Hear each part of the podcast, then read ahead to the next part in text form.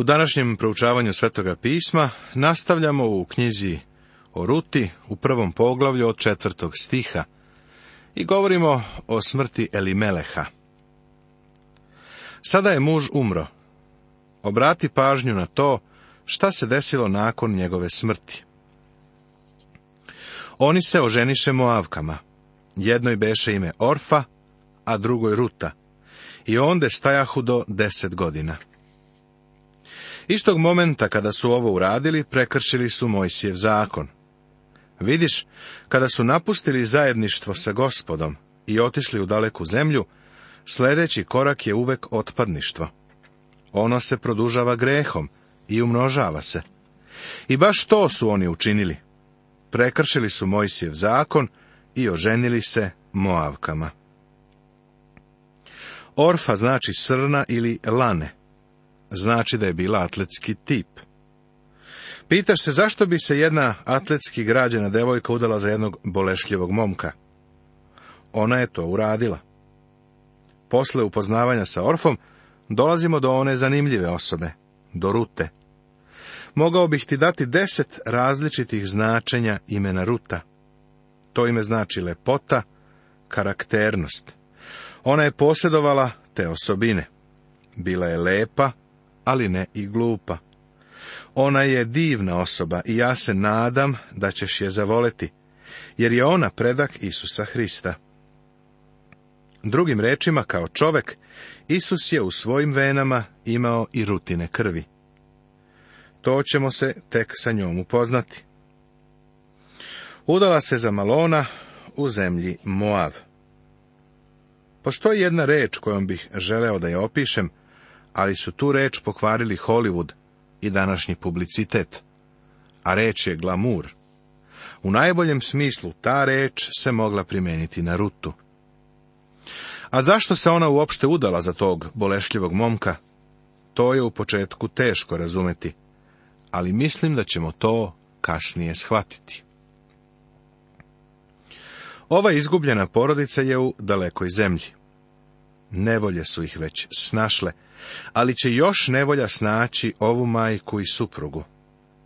Ona je izgubila muža, a njena dva sina su oženila Moavke.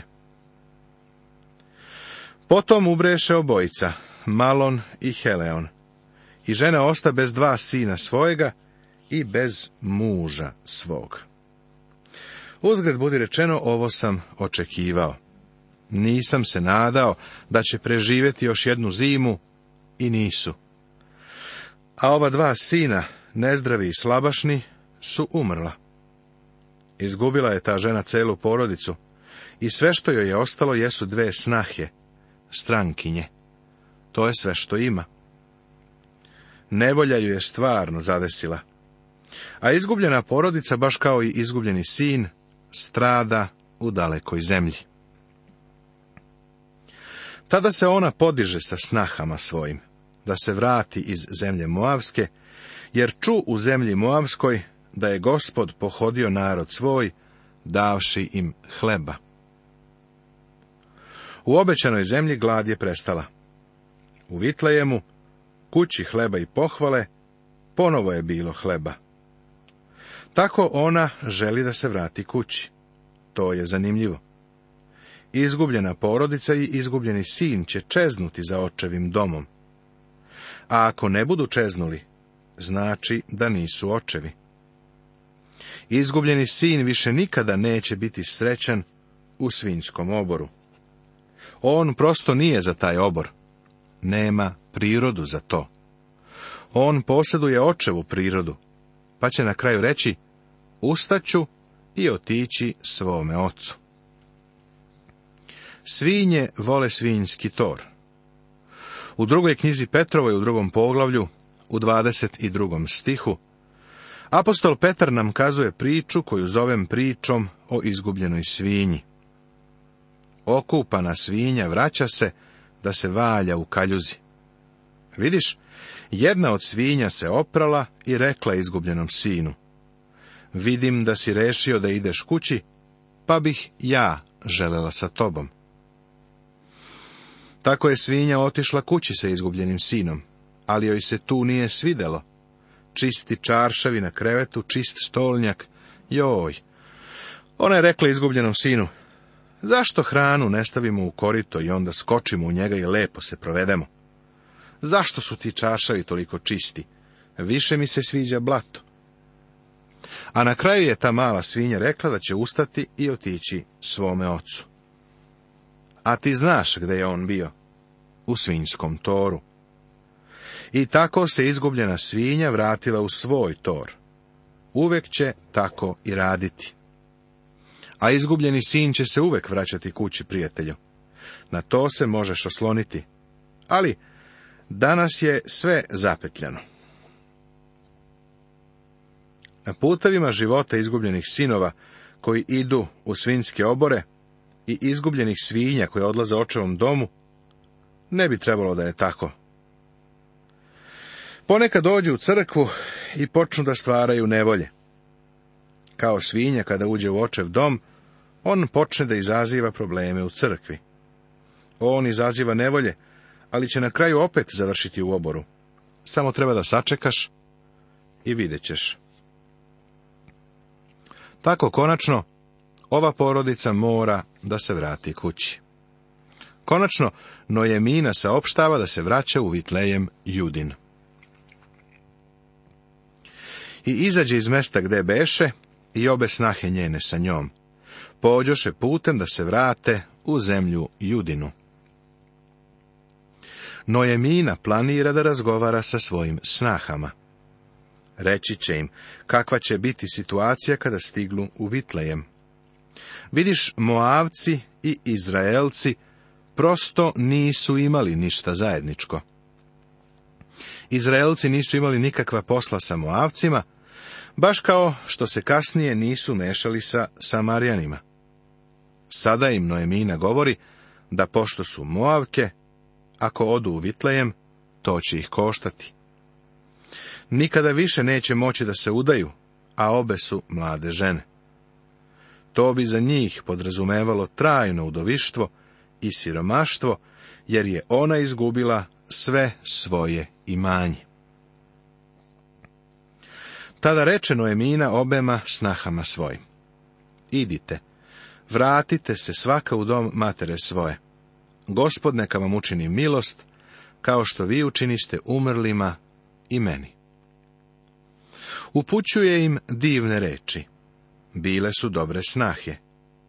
A znaš, nijednoj majici nije lako da prizna da je i jedna devojka dovoljno dobra za njenog sina. Ali, evo jedne koja o strankinjama govori da su bile dobre žene. Međutim, podstiče ih da se vrate svojim majkama i da ne idu sa njom, jer će ih to koštati. I ovako kaže da vam da gospod da nađete počinak svaka u domu muža svojega. I poljubi ih, a one povikavši zaplakaše. Ovo je stvarno ženski prizor. No im govori da ako ostanu u zemlji Moav, mogu da se ponovo udaju za pripadnike svoga naroda. Ali ako krenu za njom, neće imati nikakvu priliku za to. Ovde imamo tri žene, koje stoje na raskrsnici u Moavskoj zemlji. Kada sam posjetio Moav, mislio sam na njih tri. I za svake okuke na putu u toj pustoj zemlji, na drumovima koji skreću i zavijaju, uspećeš da vidiš njih tri, Rutu, Orfu i Noeminu. Tamo one stoje i plaču. Izvadile su maramice. Ovaj susret nazivam brigadom maramica. Sve tri plaču i rekoše joj, ne, nego ćemo se s tobom vratiti u tvoj narod. Prva odluka je ovo, ići ćemo mi sa tobom. A Noemina im reče, idite natrag, kćeri moje, što biste išle sa mnom?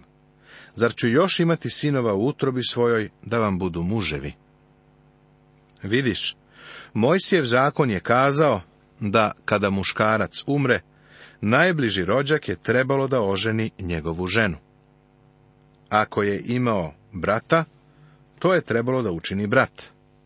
Ovo je vrlo neobičan zakon, koji ćemo bliže sagledati u ovoj knjizi o Ruti, jer je ovo priča o osvetniku pod navodnicama, o rođaku izbavitelju. Tako Noemina sa njima otvoreno razgovara. Kaže im kako stoje stvari. Ako pođete sa mnom, nikada se više nećete udati. Moj narod ne može da vas prihvati. To će vas preskupo koštati. Bićete pravi izgnanici, jer se mi, samoavcima, ne mešamo. Vratite se, kćeri moje, idite, jer sam ostarila i nisam za udaju. A i da kažem da se nadam i da se još noća sudam i da rodim sinove, tako ih je Noemina podsticala da ostanu u svojoj zemlji. Vrlo jasno je to iznela. Rekla je, čak i kada bih imala još sinova, što se neće desiti, da li biste ih čekali da porastu? Zar biste ljuljale kolevke? To ne biste želele. Zar ćete ih vi čekati dok odrastu? Zar ćete toga radi stajati neudate? Nemojte, kćeri moje, jer su moji jadi veći od vaših, jer se ruka gospodnja podigla name. Vidiš, Bog je sudio Nojemininoj porodici, a ona im je rekla da će to morati da podnose. Iz tog razloga nije želela da idu sa njom. Evo nas ponovo. Tada one, podigavši glas svoj, plakaše opet. I Orfa poljubi sve krvu svoju, a Ruta osta kod nje. Sada dolazimo do razilaženja puteva. Kao što sam rekao, iza svake okuke na bilo kom putu u Moavu možeš vidjeti ove tri žene. A da smo ti i ja u ono vreme otišli i vidjeli tri žene u istočnjačkoj odeći kako tamo plaču, pomislili bismo da se ništa važno ne dešava. Ali, prijatelju moj, kazat ću ti koliko je to važno. Odluka koja je toga dana doneta, odlučit će o tome da li će Isus Hristos biti rođen u Vitlejemu ili ne.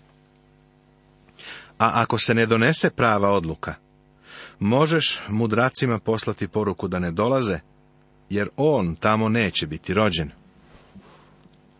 Možda ovo ne deluje važno, ali je ovdje doneta izvanredno važna odluka. Vidimo kako Orfa ljubi Nojeminu, a Ruta se uz nju prilepila. Orfa se vratila, uradila je baš ono što joj je Nojemina kazala. A ona joj reče, Eto, jetrava se tvoja vratila k narodu svom i k bogovima svojim, vrati se i ti za jetrvom svojom. Orfa je odlučila da se vrati. Vidiš, njena odluka za Boga nije bila prava. Vraća se idolo poklonstvu. odlazi sa stranica Svetoga pisma u tišinu i u zaborav. O njoj više ništa nećemo čuti. Ali Ruta je donela odluku za Boga, a kada je tu odluku donela, to je važilo za uvek. Videćeš da se ona spominje, u samom prvom poglavlju Novoga Zaveta. Ona je u rodoslovu koji vodi do Hrista. No mina želi da je proveri i da vidi da li je iskrena ili ne. Kaže joj da se vrati svojim bogovima, da se vrati sa svojom jetrvom. Ali Ruta reče, nemoj me nagovarati da te ostavim i od tebe otidem, jer kuda god ti ideš, idem i ja, i gde se god ti nastaniš, nastaniću se i ja. Tvoj je narod moj narod i tvoj je Bog moj Bog. Ona je ovdje donela važnu odluku. To je sedmostruka odluka i odluka za Bog. Ovo je ono što ja, prijatelju, smatram iskrenim pokajanjem. Ovo je pokajanje koje ima smisla. To je upravo ono o čemu govori Novi Zavet. U drugoj poslanici Korinčanim u sedmom poglavlju u desetom stihu piše sledeće. Jer žalost koja je po Božjoj volji stvara pokajanje na spasenje, za koje se ne kaje, a svetska žalost stvara smrt. Ruta je donela ovu odluku. Ona nastavlja i kaže. Gde ti umreš, umreću i ja i onda ću biti pogrebena. To neka mi učini gospod i neka mi doda, smrt će me samo rastaviti s tobom. To je dakle rutina sedmostruka odluka. I to je prava odluka za Boga. Želeo bih da na ovo obratiš pažnju, jer je to vrlo važno danas, kada se ljudi mnogo posvećuju Bogu i mnogo mu obećavaju, ali sve to ne ispune. Verujem da nas Bog drži za to što kažemo. Ono što nam je danas potrebno jesu ljudi koji donose prave odluke za Boga.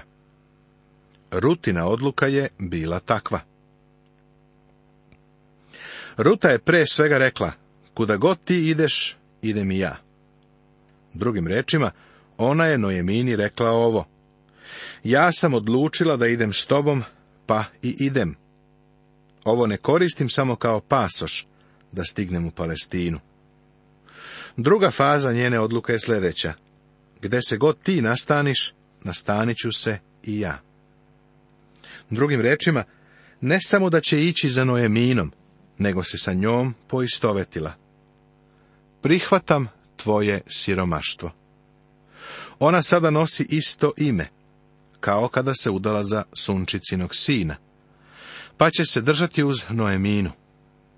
Njena treća izjava, tvoj je narod moj narod. Napuštam svoj narod, poklonike, i poistovećujem se sa Božijim narodom. Prijatelju, ne možeš doneti odluku za Boga ako se ne poistovetiš sa Božijim narodom. Drugačije to nije moguće. Ruta je to znala. Rekla je, Kažeš da ću biti izgnanik. U redu, bit ću izgnanik, ali će tvoj narod biti moj narod. Četvrto, tvoj je Bog, moj Bog. Sada mogu da objasnim zašto se ova devojka Ruta udala za bolesnog mladića, koji se doselio u komšiluk, a koji je došao iz kuće hleba i pohvale tamo u obećanoj zemlji. Mislim da je razlog očigledan.